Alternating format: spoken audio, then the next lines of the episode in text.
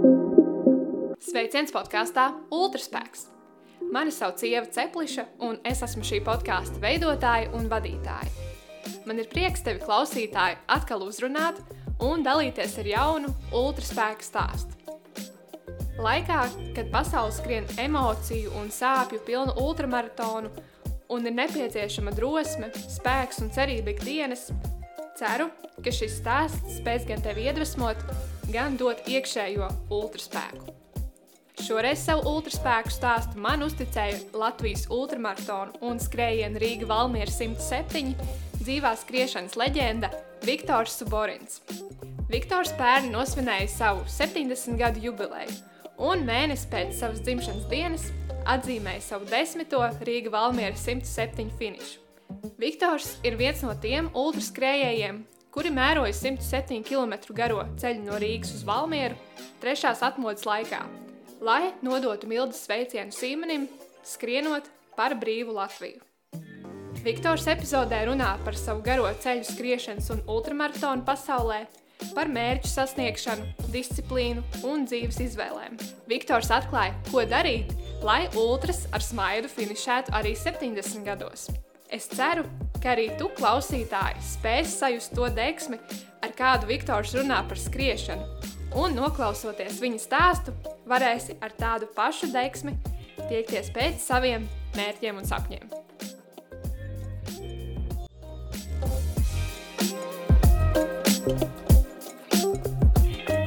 Man ir liels prieks un gods šodien satikt uh, ultraspēku sarunā. Tev, Viktor, sveiks! Paldies, paldies! Man arī prieks, man arī prieks, jā, Ieva. Jā. Jā, Um, kā jau katrā epizodē, eh, es iesāku ar jautājumu par, eh, par skriešanu un eh, kā sākās tavs ceļš skriešanas pasaulē. Nu jau tas ir diezgan garš, bet kā tas sākās? Vai sāks jauns puisis bijis, nu, nu jau, nu jā, būtībā puisis mācījās Alkasta vidusskolā, mums bija ļoti labs fiskultūras skolotājs Juris Dzirnieks. Ot viņš man to iepatēja visu. Sākas viss ar sporta soļošanu. Viņš man iemācīja soļot, un man uzreiz aizgāja ļoti labi rezultāti, bija ļoti labi rezultāti. Un, un, un nu, visaugstākais rezultāts tas bija eh, pirmā kategorija sporta klasē starp vīriešiem, bet es biju jaunietis, man bija tikai 16 gadu. Ot. Un tad eh, uzreiz eh, ambīcijas, kā jaunajam cilvēkam, uzreiz ambīcijas, gribas pierādīt citiem, kas esmu visstiprākais no tā. Nu, ta- tas ir ļoti normāli jauniem pušiem, meitenēm, jā. Nu, ar to viss sākas, kad rezultāti baigi strauji auga. Es vēl cīnījos eh, savā starpā ar eh, Aivaru Rumbinieku, daudzkārtējo Latvijas čempionu un jau tikai rekordistu, kas tur tikai viņš nebijis, jā.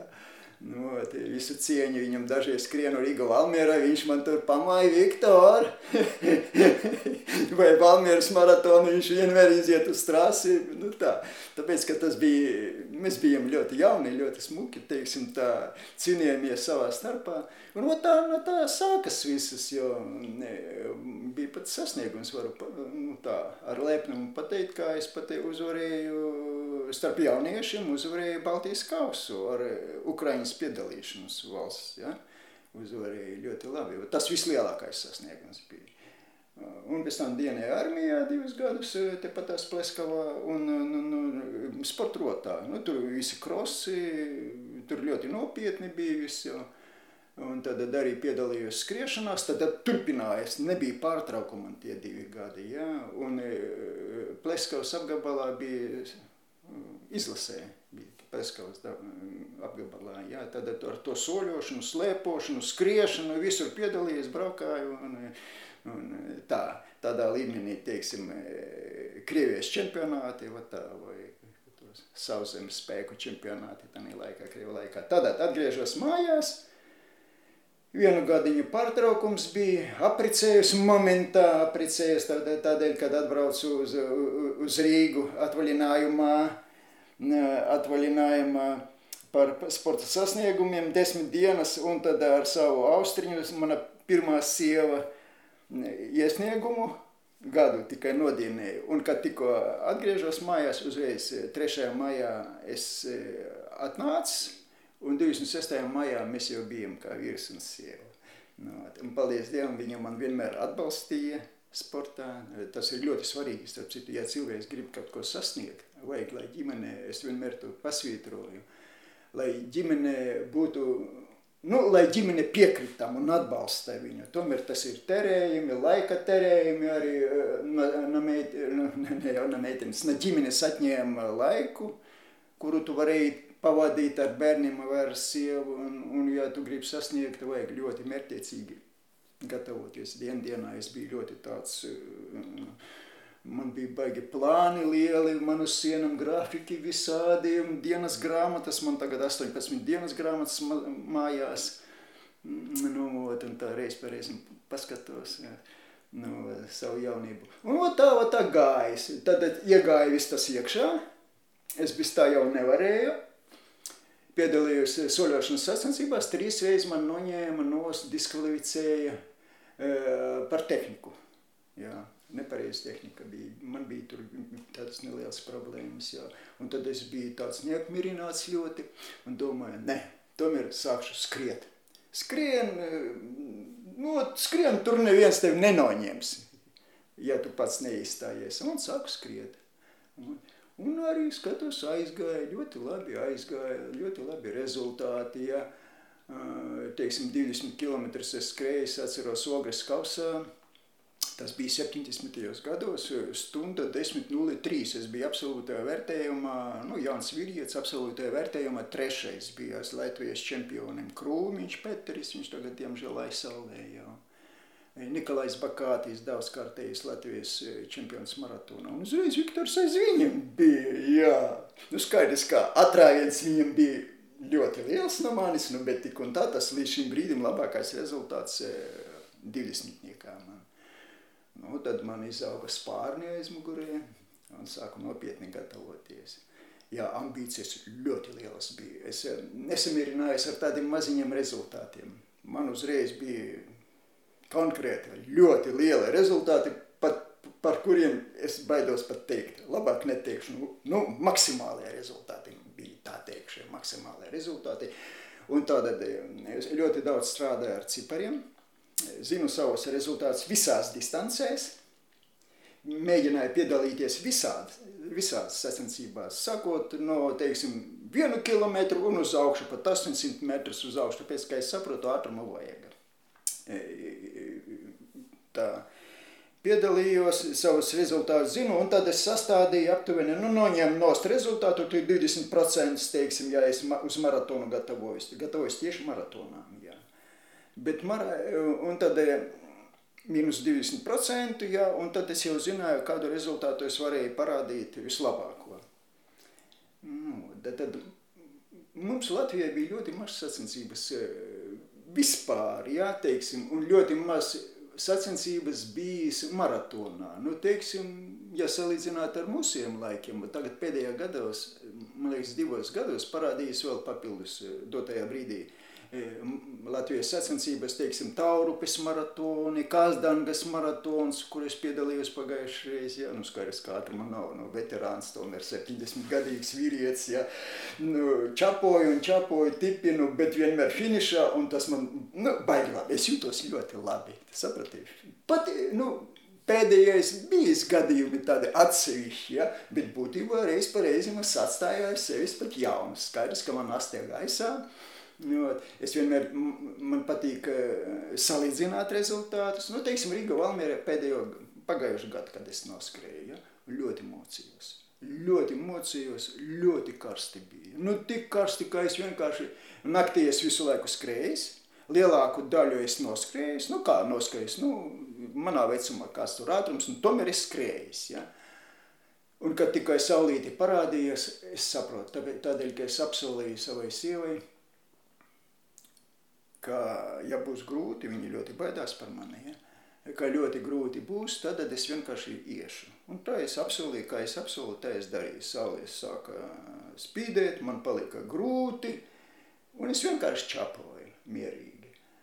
Un finišā Es finišēju, rezultāts, nu, kāds rezultāts nebija pēdējais, aiz mani bija 40 cilvēki, tomēr 40 cilvēki, es paskatījos, nu labi, atzīšos tie 40 cilvēki ar tiem, kas izstājušies, jā.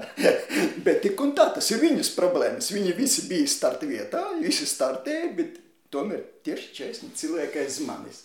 Es domāju, ka viņi vienkārši neizturēja tie cilvēki karstumu vienkārši, jā, ļoti grūti bija. Nu, tādā veidā, tas ir tas, eh, kas man mm, liek skriet, kas man liek piedalīties sacensībās. Jā. Eh, teiksim, nav tāds, teiksim, kā jaunībā, kad tu sasniedz tādu ļoti lielu rezultātu, tad tu tāds, nu, visus salīdzini, tur pasaulē salīdzini, Latvijā salīdzini, nu, tanī laikā PSRS salīdzini visu to. Tagad tā nav, tagad vienkārši pavisam, kad, nu, cits līmenis, jā, ja? Nu, es pielāgojos, es neatmetu to skriešanu. Nu, man patīk skriet, piedalīties, salīdzināt savus rezultātus. Es saprotu, ka, o, man 70 gadu, bet ja salīdzināt ar citiem, es tā jauniešiem pat dažus jauniešus aizmugurē atstāju, un tas ir tas ļoti svarīgs, ka tas dod man to stieni, ja, teiksim, priekš kam es to daru. Jā, tieši runāju par pagājušā gada finišu Rīga Valmiera, par to karstumu. Es atceros ļoti labi tavu finišu un cik daudzi skrēja iekšā ar tādu pēdējo spēku un, un, un, un tādu, bet es atceros tevi, tu ieskrien ar, ar spāru, ar smaidu sejā un man likās, nu, ir ko mācīties, ir jā. ņemt piemēru no, no tevis. Tas, jā, tas ir, jā, es domāju, ka tas ir Jā, nu tas ir, nu, tā es mēģinu darīt. Varētu būt, varētu būt dažreiz apzināti, bet būtībā neapzināti es to daru. Man vienmēr tā ir, tā, ka, tāpēc, ka katrs finišs, jā, sevišķi ultra finišs, man dod tieši ļoti lielu gandarījumu. Nu, es tik prie, nu, es laimīgs, tiešām es laimīgs, tāpēc, ka es saprotu, distance ir ļoti liela. Jā, manējos vecumos ļoti daudz cilvēki vienkārši nekustās vairāk. Jā, viņi dzīvo, jā, nu, bet, nu, Viņi nu, mierīgi kaut kur mājās tur vai pagalmā kaut ko dara. Tā. Nu, skaidrs, tas, tas priekš manis ir ļoti svarīgi. Jā. Nu, teiksim, es varu tā ļoti, ne, ne, kas man nepatīk, teikšu, ne jau pie, nu, vispār, kā cilvēki, uzved, kā sportisti ļoti lielā, lielā mērogā, teiksim, sacensības ir ļoti svarīgas. Pasaules čempionāta vai pasaules kausi, ja es runāju par biatlonu. Pēdējās divās gadavas varētu būt trijās, ja, parādījies tāda tendence biatlonistiem, kas man ļoti nepatīk. Meitenes salīdzinu vīriešus ar meiteni, un pēc tam ot, pēdējā šogad parādījās arī meitenēm. Ne jau visiem, bet viena meitene es redzēju, viņa to pašu kopēja. Es uzskatu, ka tomēr kopēja vīriešus. Ko es gribu pateikt? Jā, kāda nebūtu distance, ja, cilvēkam jābūt sakarā ar to, ko, par ko tu teici finišā. Ja? Cilvēkam jābūt par piemēru citiem. Viņš tomēr ļoti augstākā līmenī atrodas. Visi uz viņu skatās, video kameras, kino kameras, nu tā, visi, visi skatās, ņem viņu par paraugu.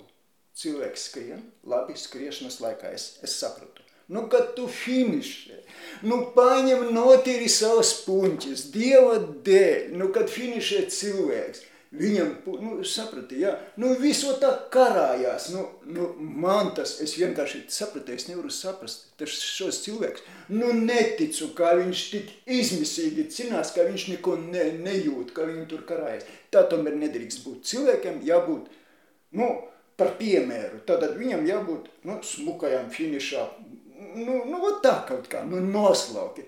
Šogad nesen, dažus mēnešus, kaut kā dažus nedēļas, cik tur pēdējie bija tie pirms olimpiādas. Pirmo pamanīju, pirmo sievieti. Es vienmēr domāju, nu, vat kādas sievietes labas, tomēr salīdzinājot ar vīriešiem. Vat cik viņam, viņam tāpatās, un viņam vēl grūtāk, es uzskatu, jā, tāpēc, ka viņi vairāk emocionālas sievietes kā vīrieši, jā. Un paskat, viņu nevienu neredzēju. Šogad viņš, mamma mia, tas pats atkārtojas pirmajai sievietei. Tātad, nu, vat tā. Tomēr es pateikšu to, Es gribu tā, to, lai visi dzird. Tomēr vajag saņemties, sakartoties, kaut ko paskatīties, nu, nu kaut kā tā aptuveni, jā. Nu, lūk, tā kā piedomājam par savu finišu. Jā, noteikti. noteikti jā. Uh, tu pieminēji, ka gatavojoties maratonam un vispār skrienot, tu veidoji tādus detalizētus plānus. Tev tagad jā. ir 18 jā. dienas grāmatas. Varbūt tu vari pastāstīt, uh, ko tu rakstīji, kā tu plānoji, kas tur bija. Nu, rakstīju, jā, man viena lapuse, viena nedēļa. Tad man septiņas ailītes sanāca. Ja? Pirmdien, otrdien, trešdien līdz un svētdien ar sarkano tinti sarkanos pilspāli vienmēr. Ja? Ja man ir grūti, teiksim, vai es saslimis, nedod Dievs, tad ar to es tā ar sarkano tinti rakstu vienmēr, lai tomēr uzreiz pamanu, kaut kāds bija nepatikšanas man, ja? To es daru vienmēr, jā. Tātad e, labajā stūrītī, lejā, uz leju labajā stūrītī tur kilometrāža, tātad svītriņa un tur kilometrāža. Augšā es parasti saku tā, Ziemieblāzmu garciems, mežs, asto, cipars 8 vai 12 vai 23 vai 40 km. To rakstu tā. Jā. Tālāk, ko es daru? Rakstu cipars viens, teiksim, kaut kādi vingrinājumi vai bez vingrinājuma. Cross, cross es tā arī ļoti eh, atdalu, jā. Cross tas nozīmē dabā skrienu vai pa plūdmalī, un šoseja, tad šoseja. Un arī cipariņš, cik daudz noskrēt. Un tas sākas no 67. gada un līdz šim brīdim es tā daru, ja. Tātad, e, ja kaut kur bija grūtības, tad es to atzīmēju kopā, pašās beigās kopā tādas stundas līdz vienai minūtī, teiksim, ja. Un, teiksim, tā, tātad nedēļa pagāja, atkal tabula, un tur ātrie skrieni, lēnie skrieni, kopsumā, e, stiepšanas vingrinājumi, nu to, lai ātrāk orientēties. Un tāpat tās mēneša galā arī to pašu, ja? un vienmēr, un tad, kad sākas janvāris, teiksim, janvāris rakstu, strīpiņa ar sarkaniem, ar sarkano pilspālu kilometrāžu, lai ļoti ātri orientēties. Es domāju, ka cilvēkam, kas grib sasniegt kaut ko, viņam Jermalājus, starp citu, es tā bišķi, bišķi tā raustos, jā, ja? Jermalājevs, viņš, viņam vispār dienas grāmatas nav. Viņš visu mūžu skrējis bez dienas grāmatām. Es domāju to sakarā ar viņu, ja? Ja viņam būtu dienas grāmatā, viņš labāk varētu būt eh, orientētos savajos visājos šitādos, ko viņš dara. Tad analīzes, eh, visa, nu, analizē visu to, un tad, eh, teiksim, viņš varēja vairāk sasniegt. To es gribu pateikt ar to. Tad tam jāpievērš ļoti liela uzmanība. Nu, pa gadiem, tad posms, olimpiskais posms četri gadi, un no tā uz augšu, uz augšu, grafiki vienmēr. Katru dienu man bija strīpiņa uz grafika, tad, tad ko es daru, ātrie kilometri, lēnie kilometri, tā, tad tu visu redz. Nu, tagad ir programmas speciālas, tagad to nevajag, ja? Nu, manī laikā, tā kā es no tiem, tā paudze, vecā paudze, ja, nekas cits nebija kā tikai va tā, ja grib sasniegt tam, tam ir ļoti liela nozīme, es gribu pateikt. Jā, jā es tieši gribēju teikt, tas, ka ar roku rakstīts tagad, ko mums visi gudrie pulksteņi izdara. Tas, jā, nu, jā, bet, jā. manuprāt, tur vēl vairāk ir tā motivācija to, to darot ar roku, un, un tur, tur vairāk parādās. Jā, motivācija ir, jā. Un es uzskatu, ka cilvēkam jāredz, nu, nu, jāredz to, ot, ko viņš izdara, vai plāno darīt, viņam to jāredz ja viņš redz, tad viņš var, nu, teiksim, pamatoties uz tiem cipariem, viņš var eh, plānot, ko, ko tālāk viņam darīt. Tad tie bija grafiki, teiksim, ja eh, ne, nedrīkst vienkārši skriet, es zinu atsevišķus cilvēkus, kas vienkārši skrien, ot vienkārši skrien, teiksim, 20 km dienā un, un viss.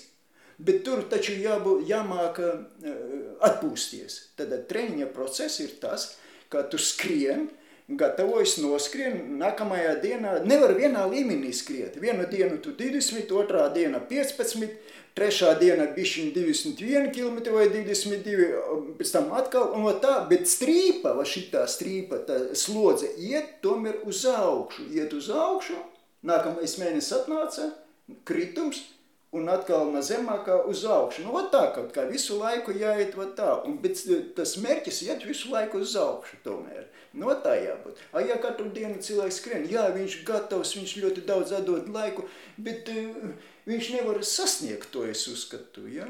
Viņam vajag tomēr višķi ar prātu to visu darīt. Mm -hmm.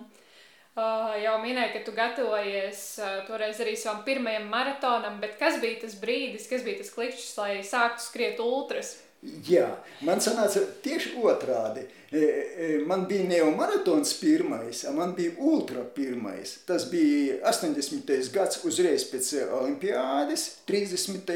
augustā. Atver avīzi.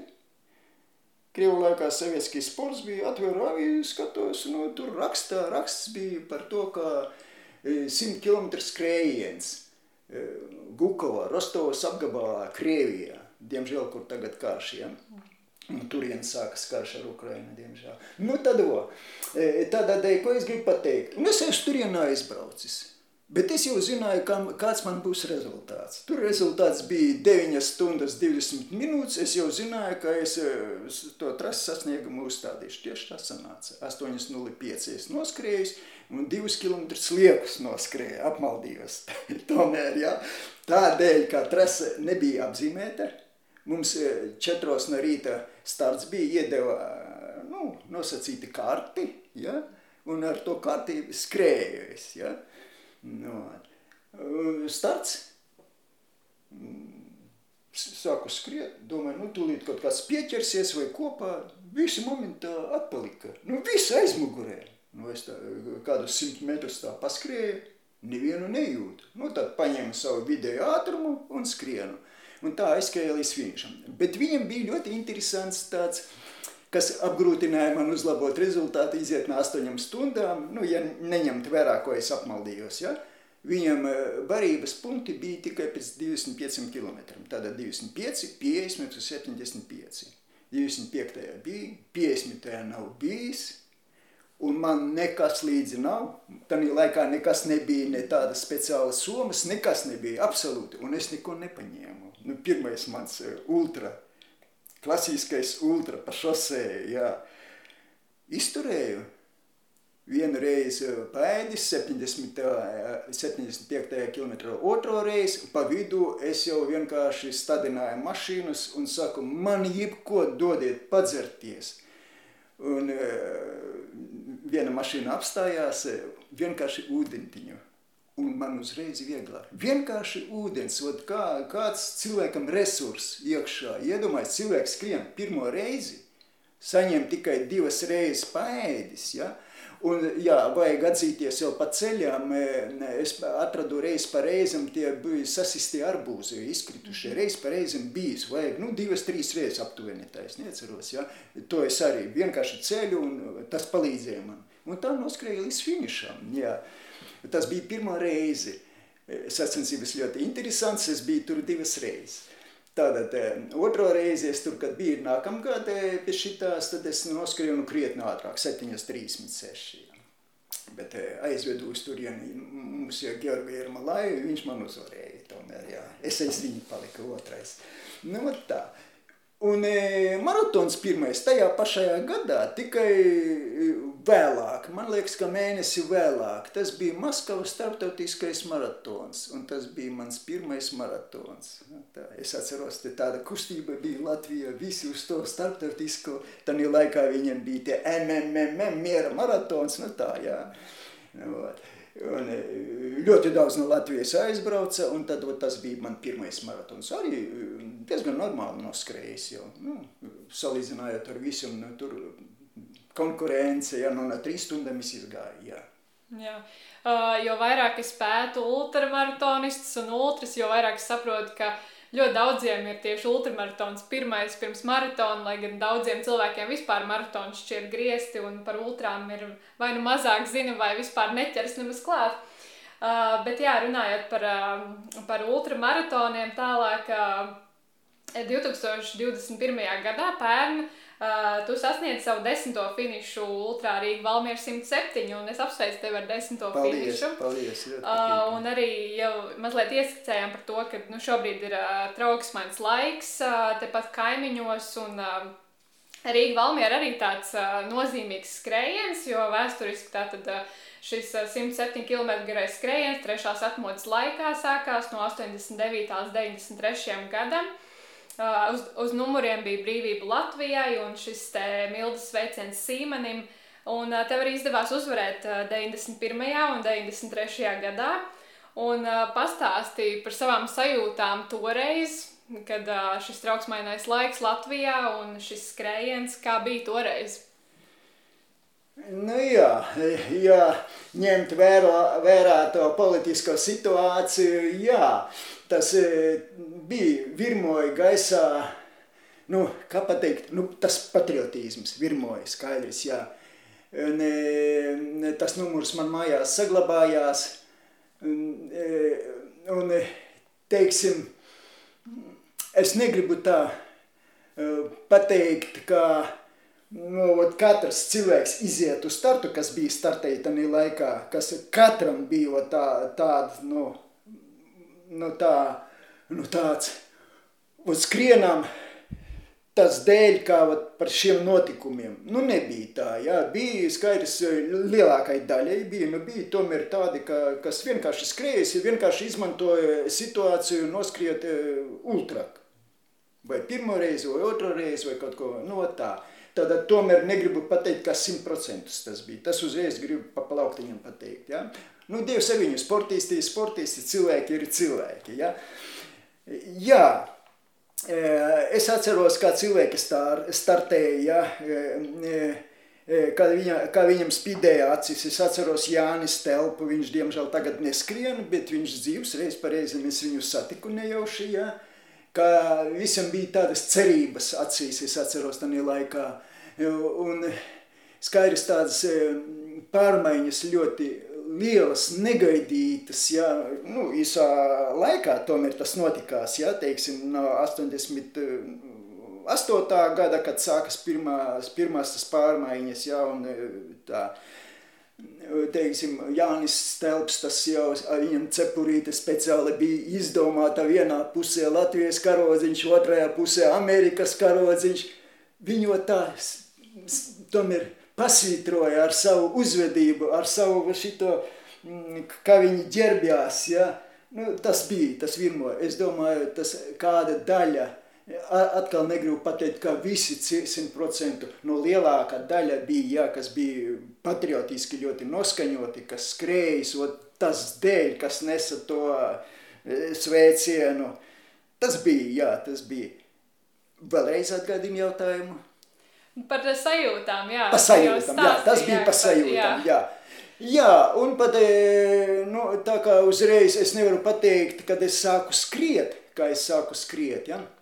Tāpēc, kā uzreiz atrāvos, es nevienu neredzēju, vienkārši man bija sava, pārējie cilvēki palika aizmugurē, tā, tādēļ es nevaru nu, izstāstīt, kas bija pa ceļam, vai bija kādi klied, kliedzieni, tā urrā, vai kaut kas, nu, kā parasti, zini, kā, ot, e, nu, Ot, kā ot, tagad notikās ot, ar Ukraiņu, jā, kā cilvēki, ot, vakardienā, koncer, vakar vakarā bija koncerts, jā, kā tur cilvēki tā, nu, pārdzīvoja vienkārši. To es nevaru pateikt, kas bija skriešanas laikā.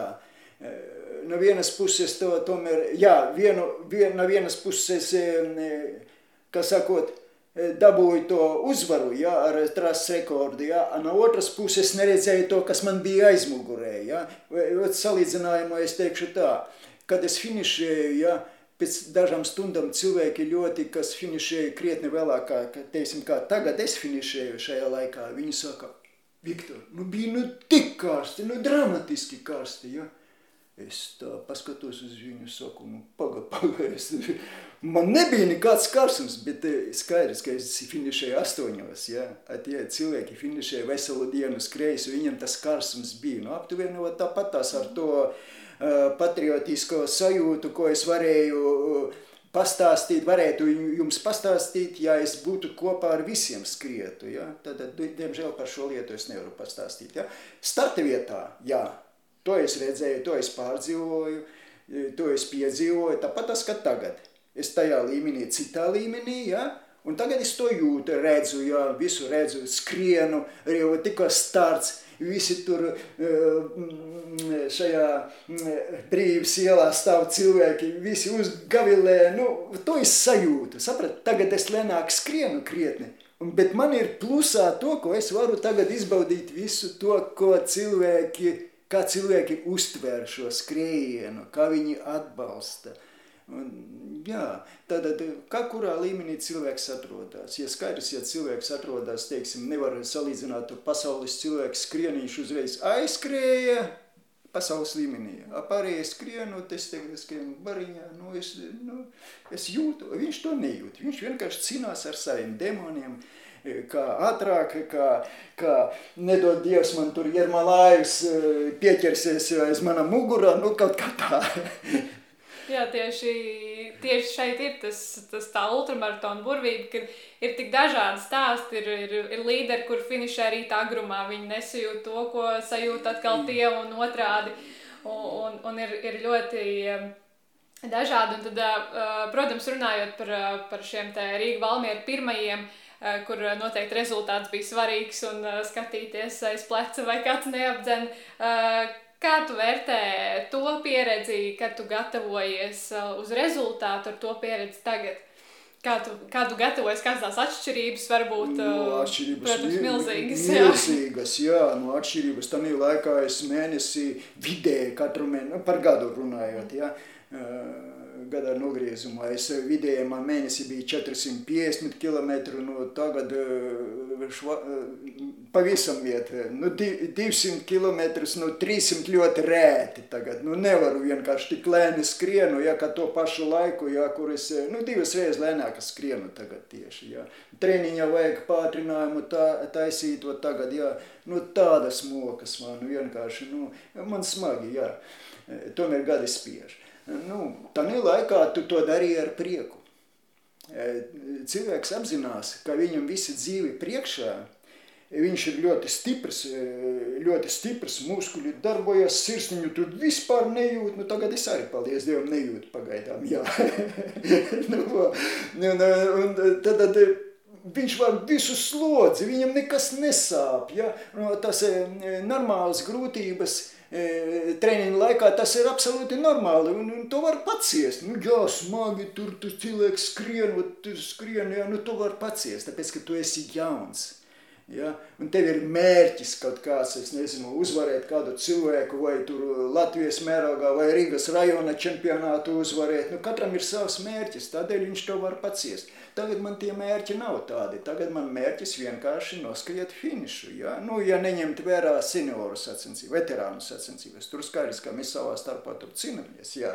Nu, tā jau vispārēji, teiksim, sacensības, tur jau Valmiera salīdzināt, tur simtnieku Daugavpilī, kad skrējis vai kaut kur citur. Nu, izņemot 12. gadā, 2012. kad aizbraucu uz pasaules čempionātu Itālijā, nu, tur bija mērķis, tur es cīnījos, ja dabūja tikai vecuma grupā 4. vietu, 3 minūtes zaudēja otrajai vietai. Bet man ir kam pārmest, kādēļ tā sanāca, bet es to neteikšu. Ja? E, jā, tādēļ, ka būtībā pēc cipariem es varēju būt otrs. Nu, vien, nu ko tur raudāt? Nu, kā ir, tā ir ceturtā vieta. Tomēr, ja? Nu, tagad tāda mērķa nav. Tagad es nekur nebraucu uz tiem lielajiem sacensībām, teiksim, pasaules čempionātam. Nē, mērķi man ir starp citu, jā ir mērķi. Arī nevaru atklāt, diemžēl, tāpēc, ka man ir tas mērķis. Ir, jā. Un vēl viens mērķis man ir ļoti interesants, tepat tās tūmā Zviedrijā, ļoti interesants pasākums. Es jau dažiem pušiem par to pateicis, jā. Nu, neviens neuzdrošinājies uz to aizbraukt. Ir tāds, un tieši ot, priekš vecajiem cilvēkiem, bet tur piedalās ļoti daudz jaunie, jā, nu, bet priekš manis būtībā tur normāli cilvēki, normāli sportisti piedalās. Tas ir futrālī gājiens. Uh mhm. -huh. Gājiens 5 e, km stundā, tu nevari pārsniegt. Tur pretī iet ratiņiem, kur rāda 5 km stundā cilvēks tiesnesis, viņa mainās. Un tu visu laiku bez apstāšanās, bez apstāšanās, e, e, toalete turpat tās brauc līdzi viņiem. Un bez pārtraukumā, cik tu izturējies. Uzvarēja viena sieviete. Viņa aptuveni 6 gadus šīm sacensībām, vai tur es gribu piedalīties, un e, aizpagājuši gadu uzvarēja sieviete. Viņa gāja bez pārtraukuma ilgāk kā trīs stundas. Piedod, trīs diennakts, trīs diennakts bez pārtraukuma, ja, un bija, man kaut kur ir ielikts, manā Facebookā ir ielikts e, e, maziņa filmiņa par viņu, kad, kad viņa iet mājās pēc finiša tur, nu jā, izskatījies tā interesanti. Viņi uzvarēja vīriešus, viņi uzvarēja visus. Otrs gadījums bija, ka e, divi vīrieši, e, arī uzvarētāji, un viens vīrietis gājis tikai 5 km stundā, bet bez patraukuma, ja? Un e, e, abi divi cīnījās savā starpā, un viens pazaudēja samaņu, kolaps, kā rakstīts tur angliski, ja? pazaudēja samaņu, un tas vīrietis, kas bija viņam blakus, apstājās un gaidīja. Kamēr nu, izsauca palīgus, un tad viņš to uzvarēja, skaitās, kas palika uz kājām. Ja.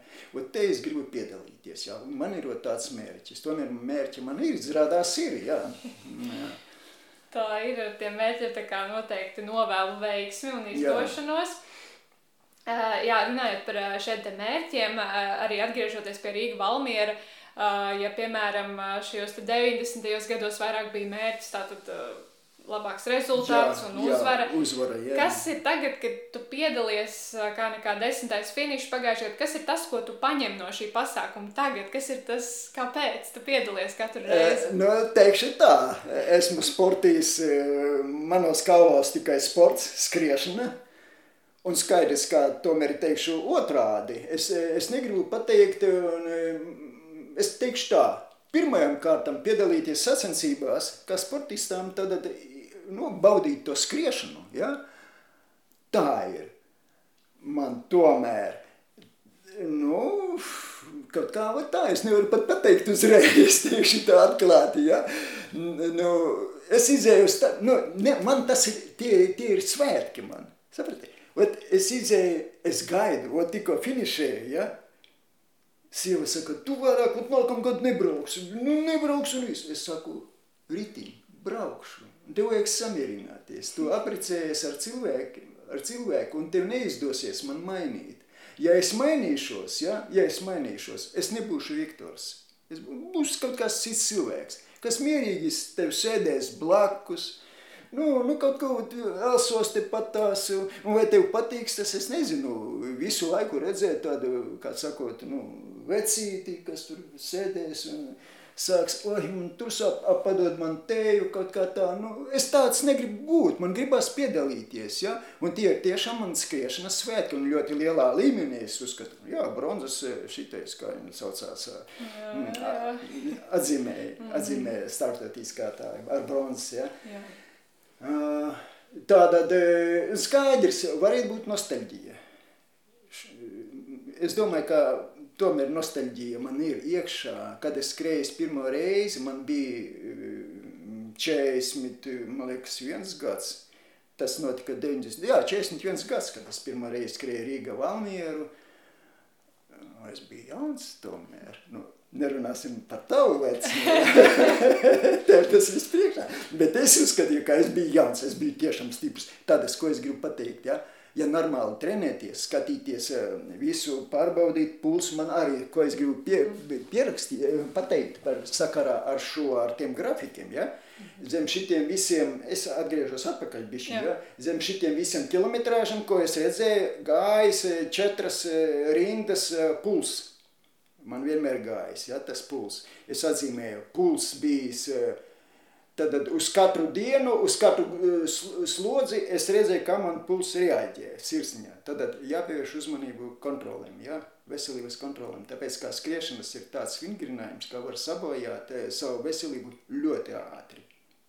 Tātad, no paša rīta pamodoties, guļot, ja, desmit sekundes, ierakstīja, Pirms skriešanas desmit minūtes pierakstīja, atzīmēja, e, pēc skriešanas desmit minūtes, un tas vat šito vajag izvēlēties, vai 20 minūtes, vai 10, vajag to ciparu izvēlēties, un katru dienu to pašu darīt. Grafikam jābūt. Nu, tagad atkal ir, nu, es to darīju. Un ejot gulēt, tad tu to visu redz. No nu, tā. Tātad, tādā laikā, jā, tādā laikā bija cīņa, ļoti tāda sīva cīņa, ļoti stipra. E, man bija ļoti stiprs pretinieks.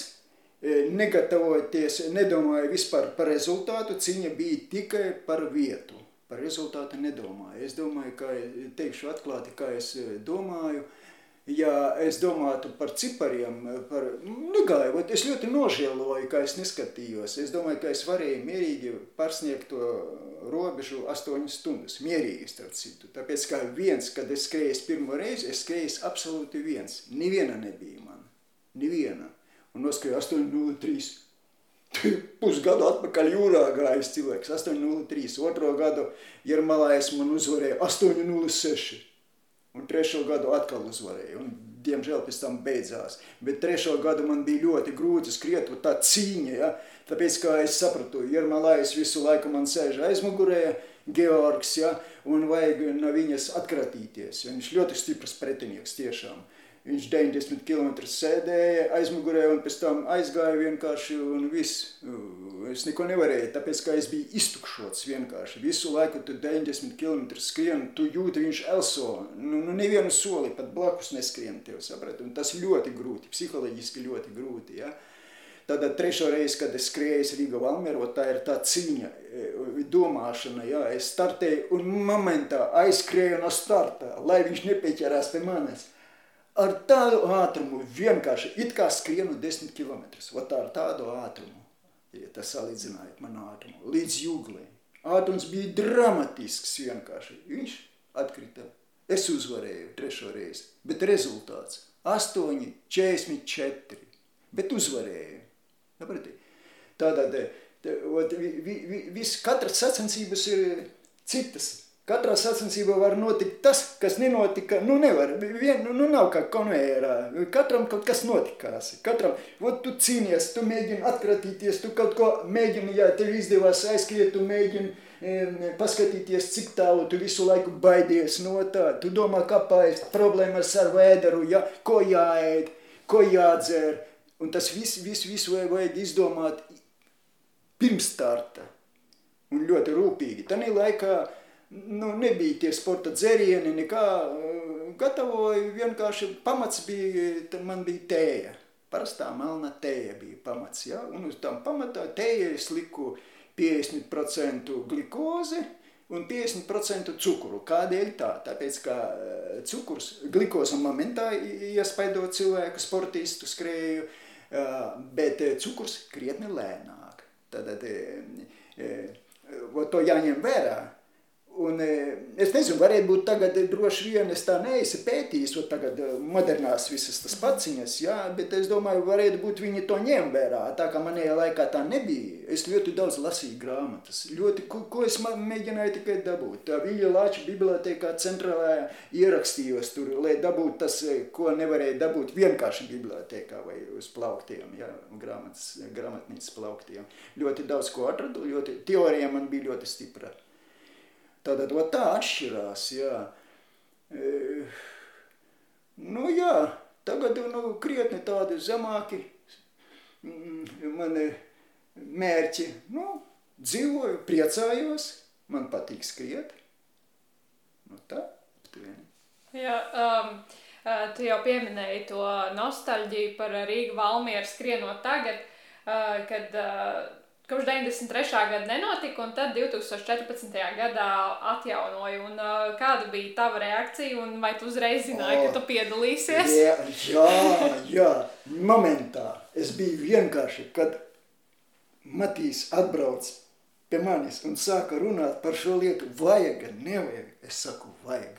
Nekāda šaubas. Matīs, vajag to rīkot. Ja?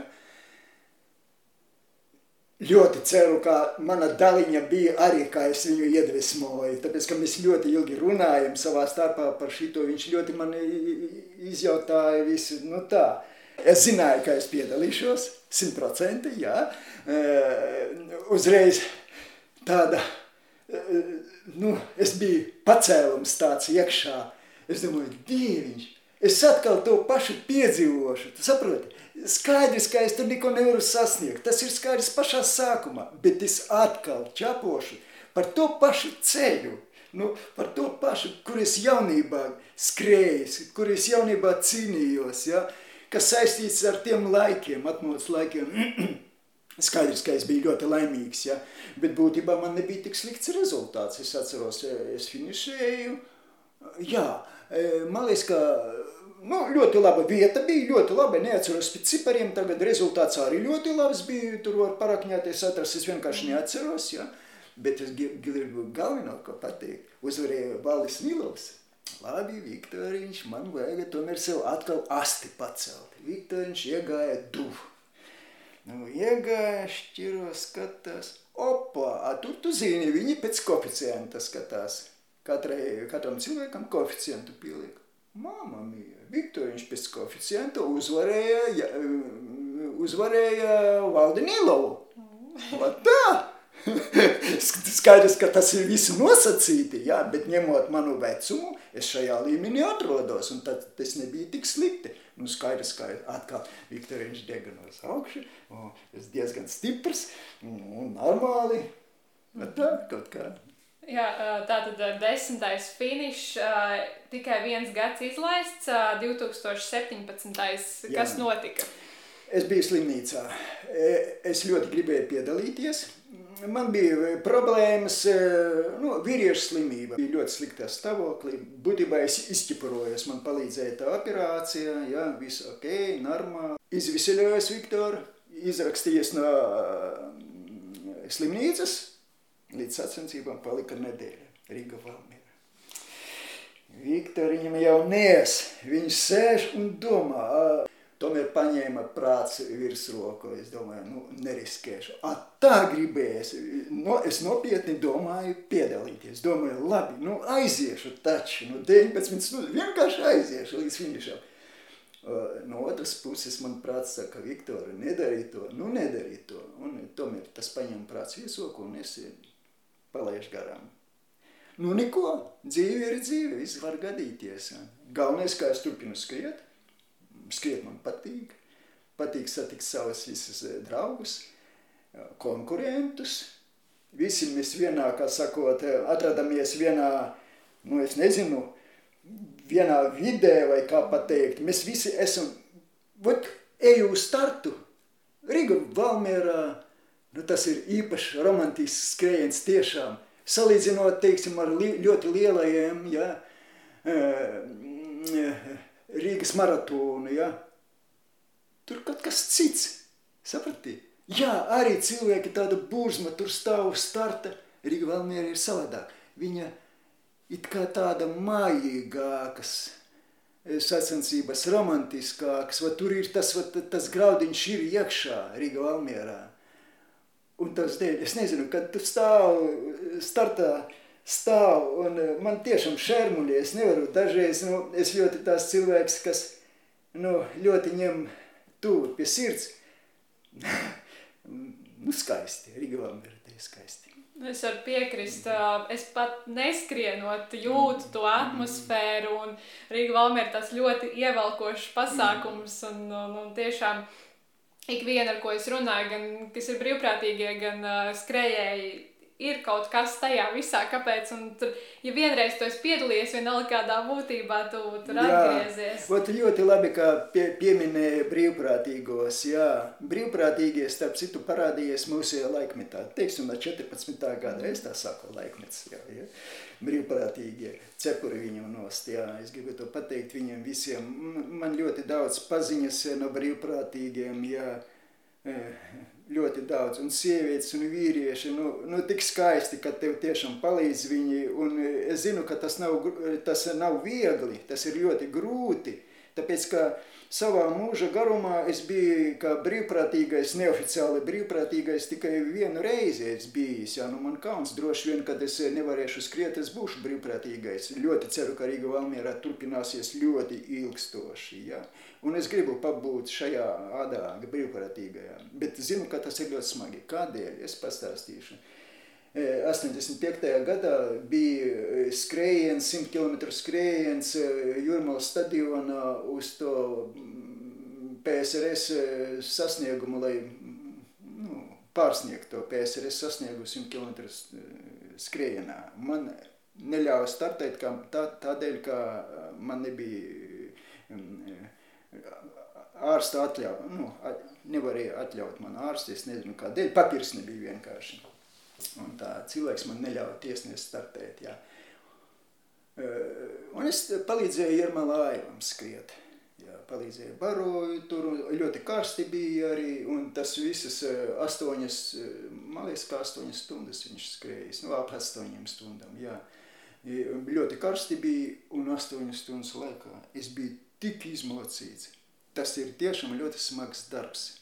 Bet tur tik daudz cilvēku nebija, bet es biju tikai uz vienu cilvēku koncentrēts, iedomājies. Uz vienu cilvēku. Es biju iztukšots, kad viņš finišēja, es biju iztukšots vienkārši. Un tagad Rīga Valmiera, nu jā, viņi tur pa posmiem, jā, viņus ir daudz, nu, bet sēdēt naktī, teiksim, jā, nu, dienā varētu būt vieglāk, es tā pieļauju, nu, naktī nav tik viegli, es domāju, nu, katru vajag, daži, daži, daži, daži brīvprātīgie skrien tev pretī, skrien tiešām ļoti, nu, ļoti skaisti, ļoti patīkami, un viņam ļoti, ļoti liels paldies, nu, milzīgs paldies no Viktora Suborina.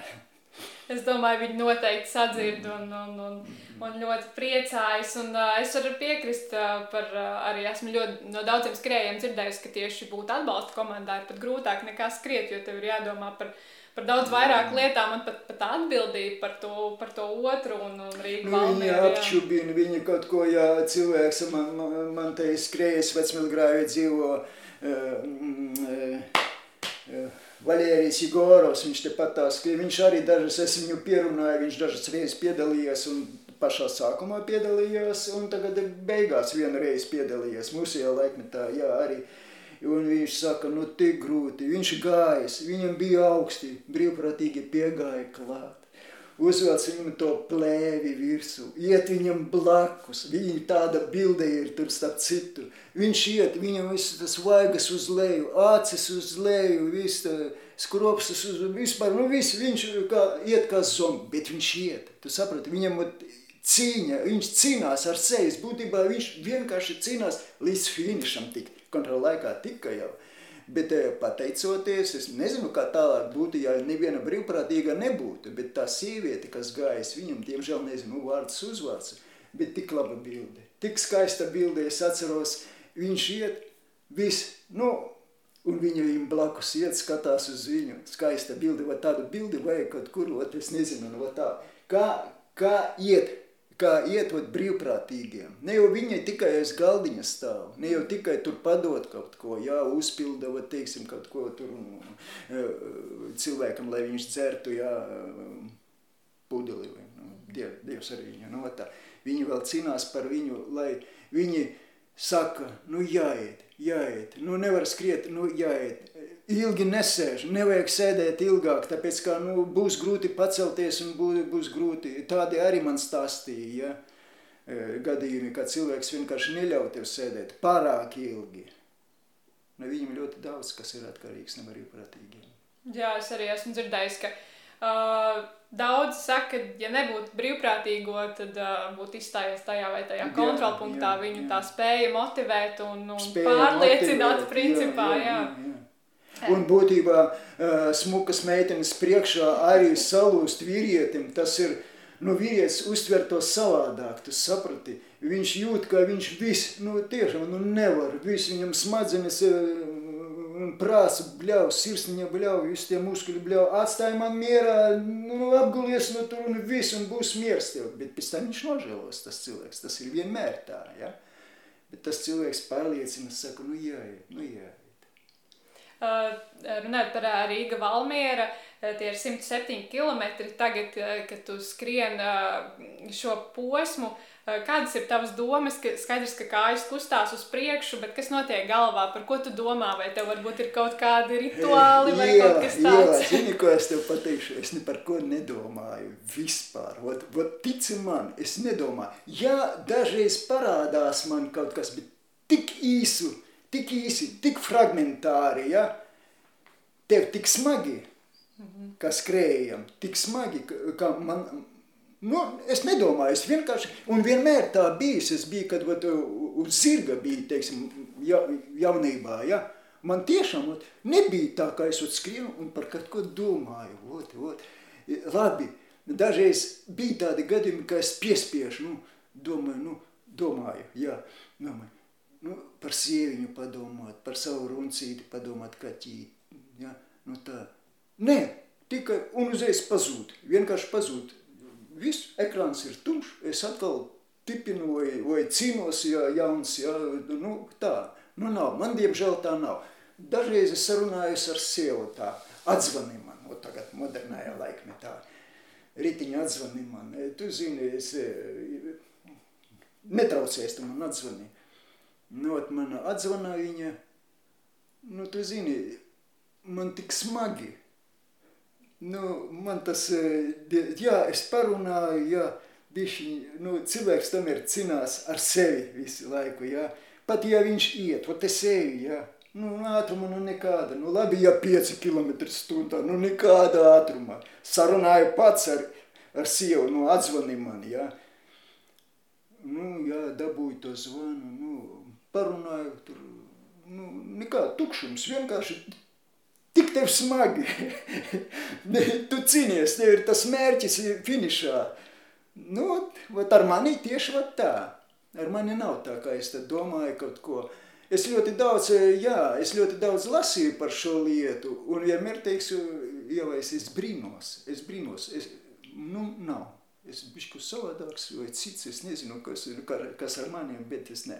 Man ir tukšums vienmēr. Ot, skrienu, man sāp kaut kur, vai man smagi, vai muskuļi, vai kaut kas tā, nu, šitās, jā, un, un kaut kā, es savā karbiņā, es ot tāds esmu cilvēks, es ieju, jā, es izveidoju tādu virtuālu karbiņu, un šajā karbiņā es atrodos, un tā, neiztiec mani, Dievu, ne, negribu, neko, ot, man, man jā, jā, jāturpina savu darīt, Ot, un es to daru. Nevajag, man nekāda šito nevajag, ne, ne malas neko nevajag, ne, ne turienes nevajag, un labāk man ne par ko nejautāt dažreiz pieskrien pie manis, apdzen, apstāja, ne jau apstājas, samazina ātrumu ar mani un kaut ko jautā, kaut ko sākam runāt, man tik smagi, es domāju, Dievu dēļ, lai, lai skrien tālāk, lai skrien tālāk. Nu, ot, ot man ir tā, saprati, ot tagad, dotajā brīdī.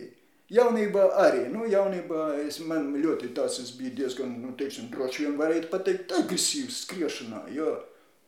Runāt es uzreiz saku, nekāda runāšana. Tā, tās es biju. Nekā runāšana nebūs, jo viss jau ir skrieni, tāpēc, kā es vienmēr, kad runā, tur, nu, tev kaut kas, nu, traucē, traucē. Jā. Tu tik ātri skrien, ka tev nevar, tev ritms, ne jau ritms zūd, nu, kaut kā tu el, elpošana, elpošana. Kaut kas notiek ar elpošanu, tu vajag atbildēt, tu vajag domāt, kaut ko, un vēl tā kā migla, ne jau migla, nu tā uztver tas, uztver tas jautājums vai runu, kāds ar kaut, kaut kādu vatas sienu, saproti, tik smagi tev. Runāt, es uzskatu, kā runāt vispār. Es vienmēr brīnījos jaunībā, jā, tagad es nebrīnos. Jaunībā es vienmēr brīnos, skrien cilvēki, sacensībā skrien cilvēki, tik brīvi runā. Nu, tad es paskatos uz viņu, domāju, nē, viņu uz ātro rezultātu neskrien. Viņi vienkārši skrien, nu, droši vien piedalās eh, sacensībās, gūst baudu, nu, kaut kā tā. Mhm. Vai tev ir kaut kāda spilgtākā, ultra kaut kādas sacensības, kas tev ir palikušas atmiņā, vai ir tāds kaut kas konkrēts, vai tā katra reize ir pilnīgi citādāk kā piedzīvojums? Es domāju, tu saproti, es domāju, jā, nu kādi atkal mērķi tev, kādi, kādās, kādā līmenī tu atrodies un kādās sacensības e, notikās, jā, ja teiksim pasaules čempionāti, kur es ļoti daudz piedalījos, jā, nu būtībā neko nesasniedz, jā, Eiropas kausīs ļoti bieži piedalījos, nu tur es kaut ko sasniedz, jā, Eiropas kausos, jā, es biju. Vienmēr, kad startēju Eiropas kausos, man sliktākā vieta nebija kā devītā vienmēr es biju devitniekā iekšā. Tātad tam ir, tam ir vēlreiz lūdzu. Vai tev ir kaut kāda jā, spilgtā, ultra, spilgtā, jā, jā. Nu tad, jā, spilgtā, spilgtā, spilgtā, arī diez vai es to varu pateikt, jā. Man bija sacensības, tas bija Eiropas čempionāts es tūlīt pateikšu, e, Bazelē. Eiropas čempionāts es tur divas reizes startēju. Un tur galu galā es finišēju desmitais, pēc tam Krievu par dopingu noņēma, tas absolūtajā vērtējumā, un tagad paliku devītais Eiropas čempionātā absolūtajā vērtējumā. Jā. Pēc rezultātiem skatoties, es varēju būt priekšā nu, pat trešais, otrais. Kas ar mani notika? Ar mani notika tas, ka sieva bija ar mani, un tā kā es sāku skriet, mana sieviņa paņēma, nejauši paņēma savā somiņā visas manus vitamīnus, vitamīnus, jo tas ir ļoti svarīgi. Man bija askarbinskābi, kas man bija ļoti svarīgi, ja? un askarbinskābi es parasti uz viņiem skrēju. Un, Un multivitamīnus, ā, tanī laikā nebija. Bija ļoti rēti polivitamīni bija tanī laikā. Nebija tas visādas selēnas turklāt, ja. Un viņa to paņem. Man reiz pa reizam vajag, tā kā tas viss zūd, ja, man vajag to lietot. Un nebija. Un es salūzis. Man bija tik smagi. Man bija tik smagi. Es skrēju, es salūzis. Galu galā noskrēja 227 km, to pietiek, lai desmito vietu, galu galā devīto vietu dabūtu Eiropas čempionātā, bet man bija ļoti smagi, ot, tur es salūzis konkrēti. Jā, bet žēl, žēl, kā tā sanāca, es varēju pretendēt uz krietni labāku rezultātu, teiksim, un vietu. Ja. Tas bija tāda iespēja man, bet nesasniedz, jā. Tad, tad, nu, tā, nu, visas, katras, teiksim, Igaunijā es skrēju, piedalījos sacensībās ultrā, tur viņam ir savādāk, bet arī interesantas. Katra, katras sacensības ir interesantas, absolūti katras, jo un gribās skriet visu laiku, gribās piedalīties, arī Valmierā šogad arī plānošu, un ja būs un arī plānošu, un es, es jau skaitu pie sevis tā labi, tur 19 stundas, nu, vēl kādus 3-5 gadus es varēšu piedalīt piedalīties. Es tā. Nu, bet, bet pēc tam, kad nevarēšu piedalīties un neiekļaušos 19 eh, stundās, nu, tad būšu brīvprātīgais. Nu, gribu piedalīties, gribu piedalīties nu, tādā formatā, lai palīdzētu cilvēkam. Galu galā, lai no manis arī būtu kaut kāds, nu, kaut kāds labums no Viktora šajā lauciņā. Tā visu laiku tikai sev, sev, sev skrien un skrien tikai priekš sevis. Um, jā, arī Valmiera 107 km Tagad jau tas ir arī tev gan karstums, gan tas ilgāks posms, ko tu pieredzīji šajās sacensībās. Kā tu pēc šīm sacensībām atjaunojies eh, šajā vecumā? Kā jā. ir ar organismu? Un šajā vecumā un jaunībā viens un tas pats. Jā, vajag atpūsties trīs dienas. Es absolūti neko nedaru trīs dienas. Ja? Ah, bišķi kļūdiņa. Uzreiz pēc sacensībām, neskatoties kādas, vai ultrā, vai vienkārši te, desmitnieks, teiksim, ja? vienu dienu pēc sacensībām es noteikti vienu stundiņu paskrienu, bet obligāti dabā, obligāti dabā. Ja? Ar to vajag man pēc tam vēl pateikt. Tātad ļoti lēni Pēc tam trīs dienas neko nedarot. Vispār neko. At, vienkārši nu, atpūšos. Nu, un, ja ir iespēja, obligāti pirtī. Bet tur, tur jābūt ļoti uzmanīgam. Ļoti uzmanīgam. Tādēļ, kā man ir ļoti slikta, slikts gadījums ar mani, kas notika. E, Igaunijā skrēja maratonu 80. gados. Ļoti labs rezultāts bija, nu, 2,40, man liekas, 7. Ot, priekš manis bija labs rezultāts, un finišēju, un uzreiz pirtīs pasēdēt ar pušam, parunāt, izpļāt parāk ilgi. Ot, aizgāju gulēt, viss normāli, nākamā dienā mostos ekstra sistola. Un viņa diezgan ilgi man turējās, dažus mēnešus, un pie ārsta. Nu, viņa saka, nu, padzer tur neko. Un kā ilgi turējās, bet es turpināju skriet, trenēties, Un kā es dabūju viņu ārā, un tā pazuda līdz šim brīdim nekas nav. Ar to pašu maratonu. Ar to pašu maratonu, jā. Nu, vajag riskēt. Nu, nevaru. Visi brauc. Viktor, nevar. Nu, kā es sēdēšu? Nu, nu, nu, nu kā? Aizbrauca. Noskrēja maratonu. 2,58 pat noskrēja ar savu sirsniņu. Viss un tā laika pazūd. Tu saproti, kā interesanti. Ot ir tādi gadījumi arī ka dažreiz vajag, nu, es nezinu, to negribas tā sludināt, ja? Nu, ot man sanāca tā, kā es noriskēju un viss līdz šim brīdim. Pagājis jau 80. kaut kur sākuma gads un līdz šim brīdim paskat, cik jau ilgi desmitiem gadiem nav.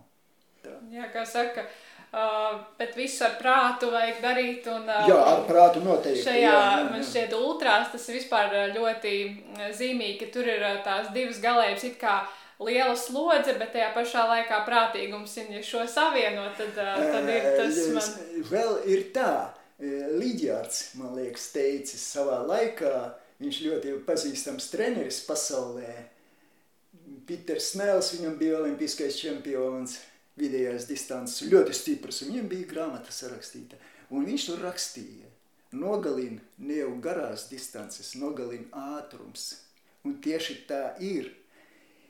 Cilvēks, cilvēks, ja skrien ļoti ilgstoši, tā, nu, tu pat zini, ko es tālāk teikšu. Slodze ir tāda, nu, zem vidējā, bet ļoti ilgstoša. Sirsniņā ar to var, var, jā, jā, tev kājas sāp, muguras sāp varētu būt, tev grūti, gribās gulēt, ot skrien dienakts tev dramatiski gribās gulēt, nu, vienkārši tev acis ciet un tev jācinās ar to, skriešanā tu atdod īsajā laikā viss, kas tev ir, tas power spēks, tu dod vienkārši, tu, tu it kā visu laiku startā atdurās pret sienu, un to sienu spiež visu laiku, tā spiež ar ātrumu, tas ir kas cits, absolūti, un tas cilvēku var nogalināt ja, ne, jau, ne jau sacensībās, teiksim, ar treniņā, kad viņš nepareizi trenējās. Runa ir par treniņiem. Ja, sacensībās tomēr cilvēks, kad viņš iziet uz to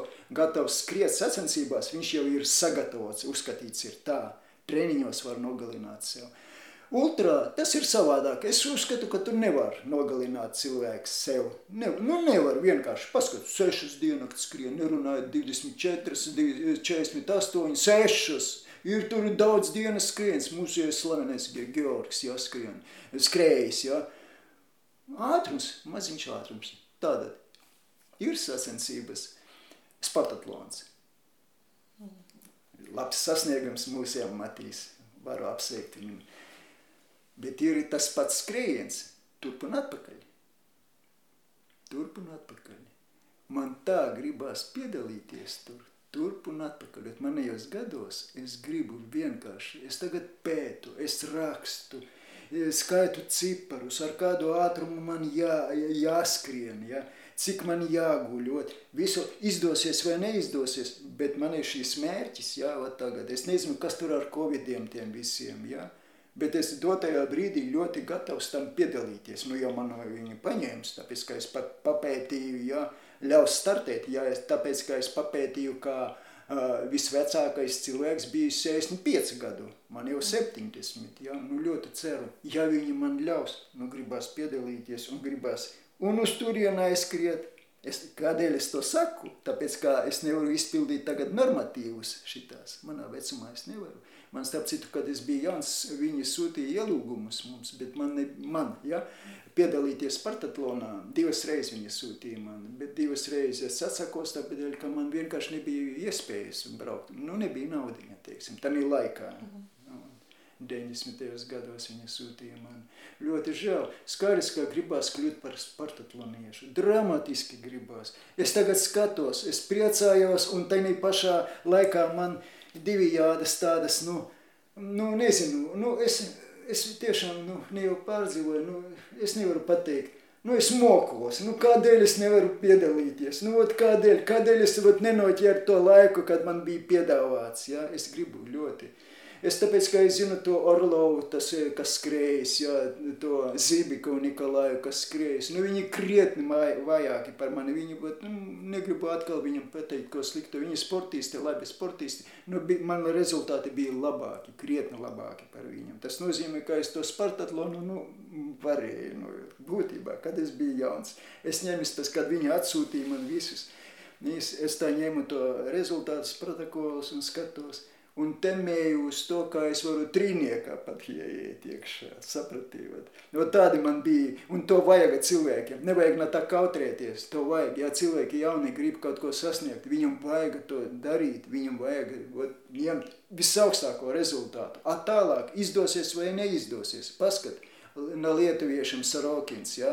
jaunais e, e, jaunais rekordists dienas skrējienā, ja?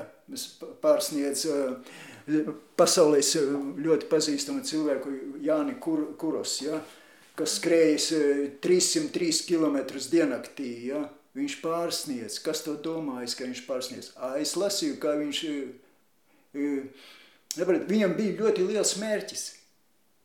Un tādēļ viņš, a, ja cilvēks tā pakapiniski, nu, nē, nu skaidrs, ja cilvēks atrodas, kā sakot, fiziski, nu, nav viņam tas stāvoklis tāds, nu, normāls stāvoklis, ka viņš ir vesels, viss skaidrs, ka, nu, jā, nu, viņš nevar tur uz, uz pašu augšu, tas uz Olimpu, ja, nu, nevar, jā, viņam vajag varētu būt tā. Ja cilvēks ir vesels, jauns, viņam vajag tādus likt mērķus. A, pēc tam, jā, ne, cik viņš tur plāno, Četri gadi olimpiāda, četri gadi, astoņas gadus garumā, nu 12, ja, ja ultrā, ja.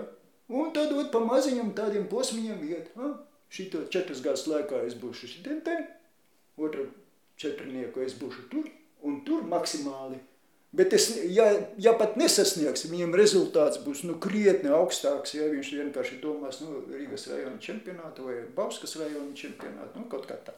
Es, es domāju, tieši tie tavi vārdi ir par par vispār dzīvē, par, par mērķiem, par sapņiem likt un uh, tiekties uz to augstāko, ko mēs vēlamies. Jā, jā noteikti. Un, jā, un, jā, jo sapņi jā. jau mēdz piepildīties. Un jā, jā, jā. jā, jā. Ir, uh, ticēt jā, sev. Nevajag ticēt. Ot, ļoti pareizi pateikts. Ticēt sev, jā, ticēt. Nu, skaidrs, ka jābūt cilvēkam veselam, jāpārbaudās ārstiņu, ja nebūtu nekādas problēmas, un tad jā, pa maziņam ar, jāskatās, ka slodzu jāpārbauda visu laiku savu nu, veselību, ja? un jāiet uz priekšu. Ja? Jā, par veselību runājot, uh, par veselību un skriešanu, kā tas ir tavā pieredzē, kā saglabāt veselību, lai varētu skriet arī ultras 70 gados? Jā, arī, arī es visu laiku tā klusēju, Nu, es esmu tāds diezgan viltīgs cilvēks, tiekšu, droši vien, droši vien nav pareizs cilvēks, kamēr es biju jauns, es to nekad nevienam nestāstīju, bet tur nekāds e, noslēpumi nav, ja? Vienkārši jā, jā, jāizmanto dabu, dabu māti, ja? jāskrien dabā.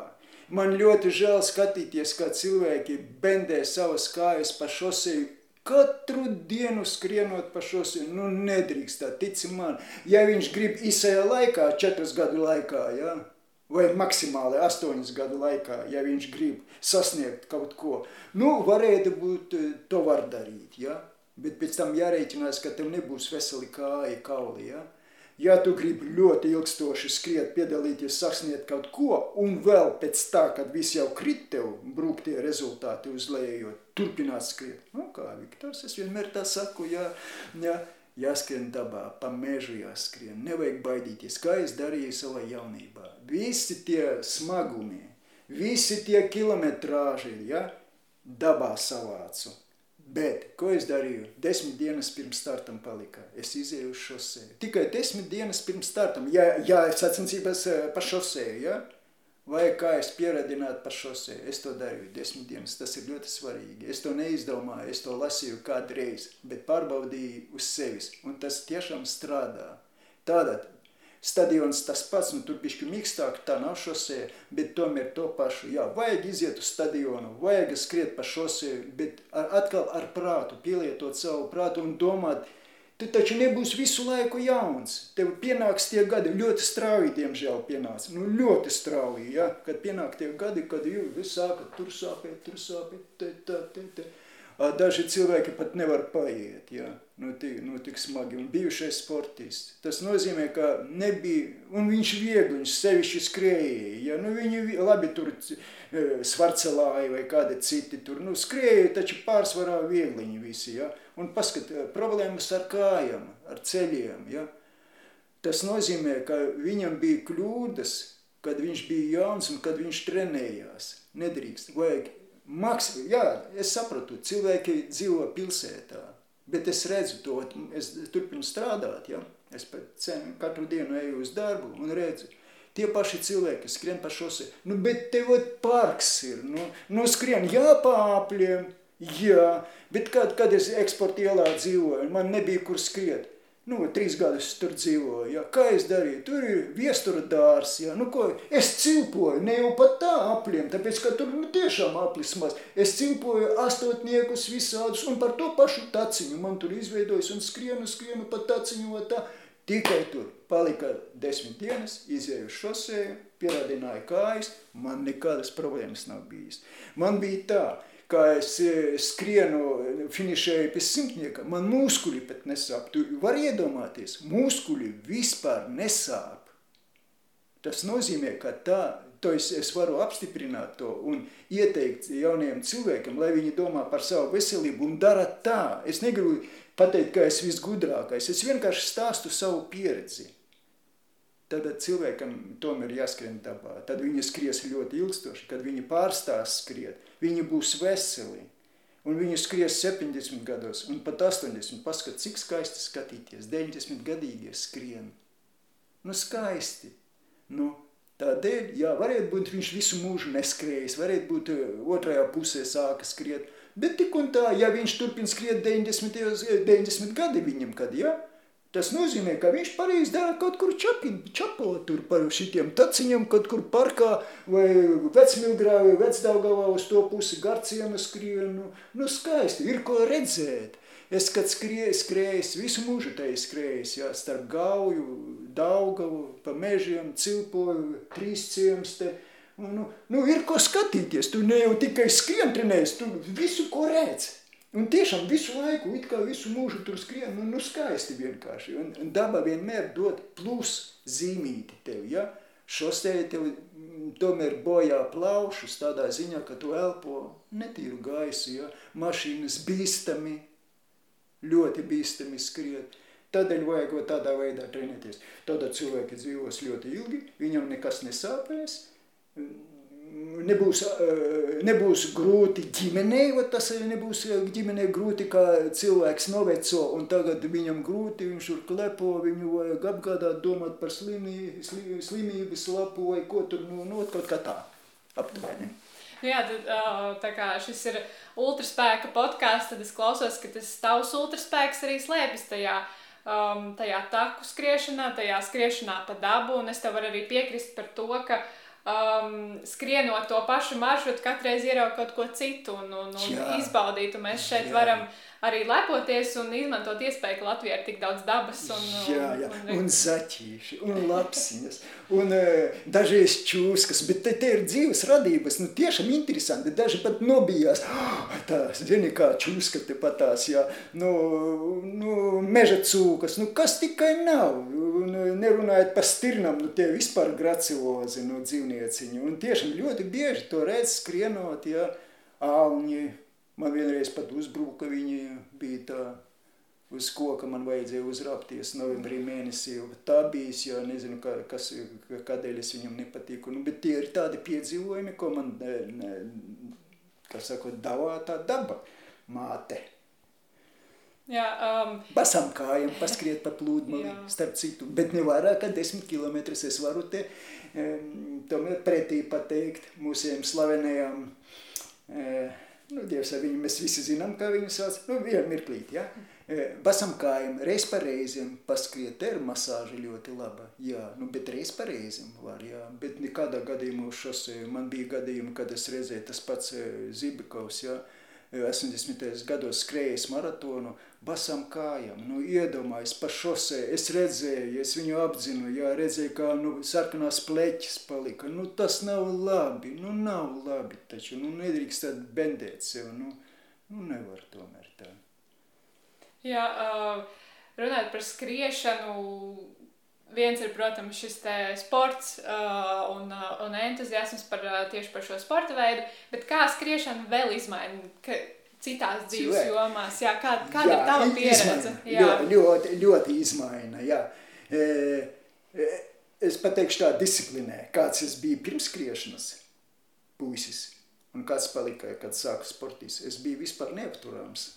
Ar mani mocījās skolā skolotāji visi – visi mocījies. Es biju, nu, slikts puisis bijis, ja? ja. Sāka skriet, es paliku disciplinēts, tāpēc, ka uzreiz tev mērķis, tu gribi kaut ko sasniegt, A sasniegt tu vari tikai tad, kad tu kaut ko dari. A, jā, tu, tu, tu dari kaut ko, tad tev, jā, jā, nu, tev vajag terēt laiku tam, jā. Tad tu nevari atnākt mājās, teiksim, kaut kā paēst to otro ēdienu, kaut ko tā kārtīgi. Tu nevari vienkārši, pat ja tu tu zupiņu apēdīsi, tu nevari uzreiz skriet. Tad ko tev atgriežoties no darba, teiksim, tev vajag tikai tēju iedzert, dažus cepumiņus un skriet. Tad tu pielā, pielāgojies e, sports, vai otrādi es nevaru pateikt uzreiz tā, nu, jāpielāgojies tam e, sportošanai, ja? Tad tas disciplinē. Tas izveido pats, ja tu neko nezini, kā cilvēks, kā sportists.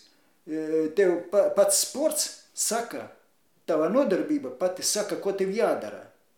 Tad, tad, tu ēd normālu, veselīgu ēdienu, Ja? Sākumā varētu būt nē, bet, bet pēc tam noskrēja, ja nepareizi apēt, ka tev smagi, tu mokies, ja?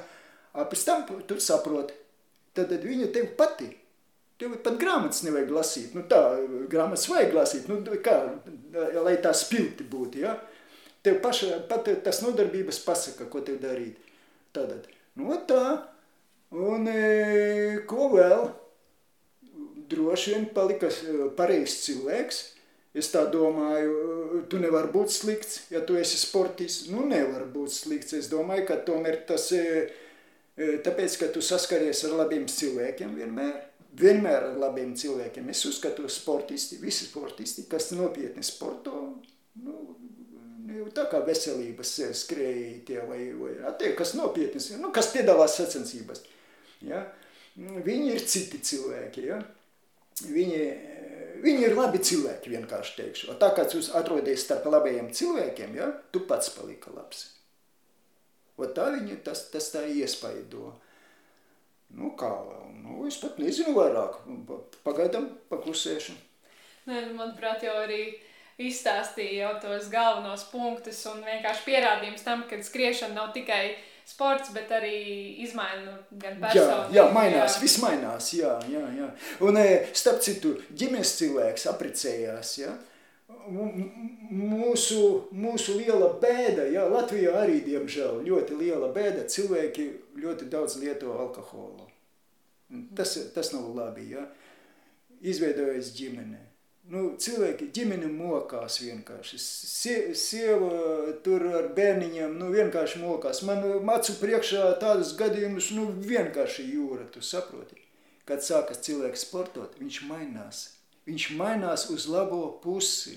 Viņš nu nevar to atļauties, vienkārši nevar atļauties. Tad no šitā viedokļa arī tas ļoti labi maina ļoti labi, skaisti maina. Es domāju, ka tie, tāpēc es uzskatu, ka sportisti, viņi ir ļoti labi cilvēki. Jā, es varu piekrist šim apgalvojumam. Um, viens ir uh, skriet, uh, tu jau pieminēji vairākus arī šos te argumentus, kāpēc vispār cilvēkiem sportot skriet, bet ko tu ieteiktu, kāpēc citiem skriet ultramaratonus? Nu, droši vien es tā ne, nevaru tā piekrist, ka man vajag ieteikt skriet viņam. Tomēr katrs izvēlējās savu ceļu. Jā, viņš, es domāju, ka viņam pašam jā, nu, jāiet līdz šitajam nu, brīdim, kad viņš izvēlēsies ultra. Es nevaru pieiet pie cilvēka, jā, vai pie kāda uh, cilvēka, kas tikko sāka sportot, jā, un pateikt, zini ko, tev jā, jāpiedalās ultramaratonā. Tomēr tas aizņem uh, kādu laiku, Un e, jāsagatavojas tam. Dažus gadus vajag paskriet, dažus gadus vismaz. Ja. Skaidrs, ka viņš pirmā gada, nu ir atsevišķi individi ir, kas uzreiz skrien, jā, ir, un Latvijas arī, Latvijā ir, nu, bet es vienkārši vēroju ļoti tas daudz un redzu, kāda iznākumi. Nu, iznākumi viņš vienu, divas, trīs gadus paspīdēja un pazūd vienkārši, un vispār neko neskrien vairāk. Nu, nedrīkst. Vajag ļoti nopietni pie šitām lietām. Tātad, nedrīkst ņemt pa piemēru man, ka man pirmais bija ultra. Tas nekādā gadījumā. Vienkārši tajā laikā bija tie apstākļi tādi, ka es nevarēju piedalīties. Man vienkārši paveicās, ka bija pirmais ultra un pēc tam maratons. Ja. Tādēļ, nu, nu, tā kaut kā. Tādēļ es negribu pateikt. Jā, ultra, ultra ir veselīgāk, es uzskatu. Jā, viņš ir grūts sporta veids, ļoti grūts laika ļoti daudz atņem un sagatavošanas laika atņem ļoti daudz. Varētu, ne jau varētu, es domāju, nevarētu būt, es domāju, ka pārliecināts, ka uh, sievai jābūt stiprai ļoti, lai piekrist tam, ka vīrs skrien katru dienu, bet te ir izvēle. Diemžēl tāda izvēle nedrīkst būt, bet te ir izvēle, jā, mūsu, mūsu apstākļos Latvijā, jā. Tad cilvēks vai dzer, vai viņš skrien.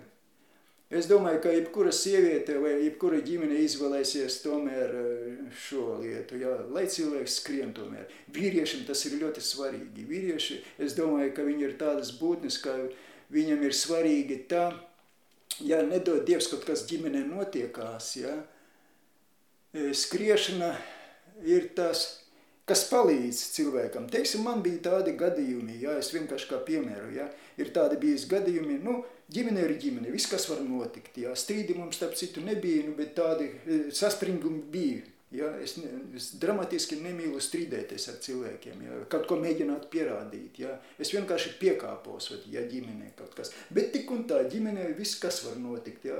E, neapmierinās cilvēks, kaut ko tev pārmet. Ja ievainoja ļoti, verbāli ievainoja tev. Es tam nepiekritu.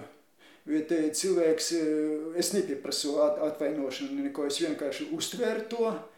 Man tik sāp, man tik smagi.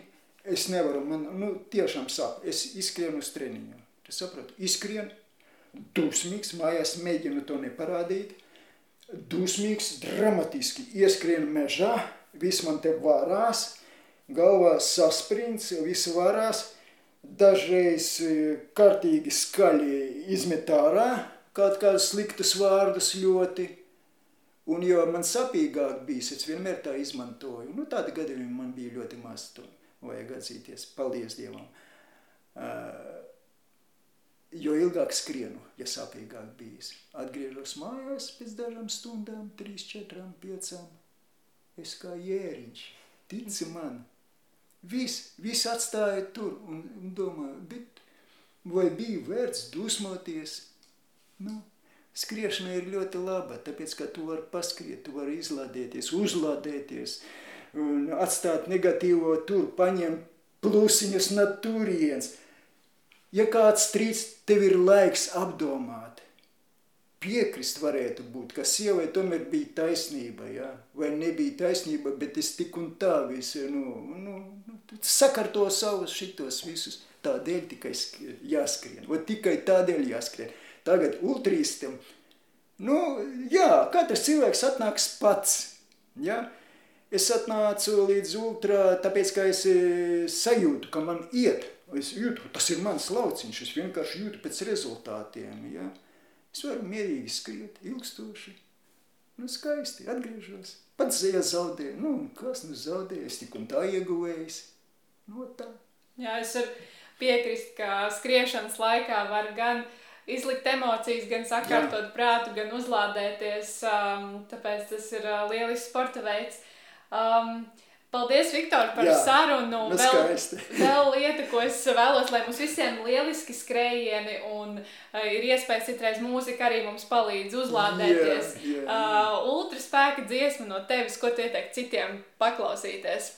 Šitā dziesma par jauns un trakstu puisis bijis, tāpēc, ka uh, nu, tāds pretstāts manam vecumam, ja, man ritms ļoti patīk vat šitā jauns un traks, vat šitā. Nu, man ļoti viņa patīk šī dziesmiņa.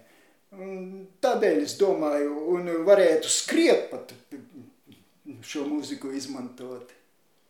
Jā, tā kā lieku iekšā listē, un uh, liels, liels paldies par sarunu.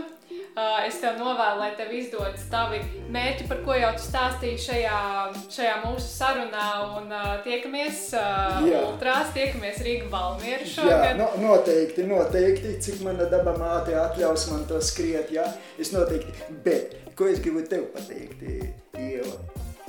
Es kārtīgi ar tevi izrunājos. Tu saproti, man tik labi, vat es vienkārši papļāpāju, teikšu atklāti. Man labi, man labi. Liels tev paldies, ja? Nu, nu skaisti, man bija ļoti skaisti brīdi šitie, nu, ko es pavadīju ar tevi, ja? Paldies tev par to, paldies. Man arī liels, -hmm. liels paldies.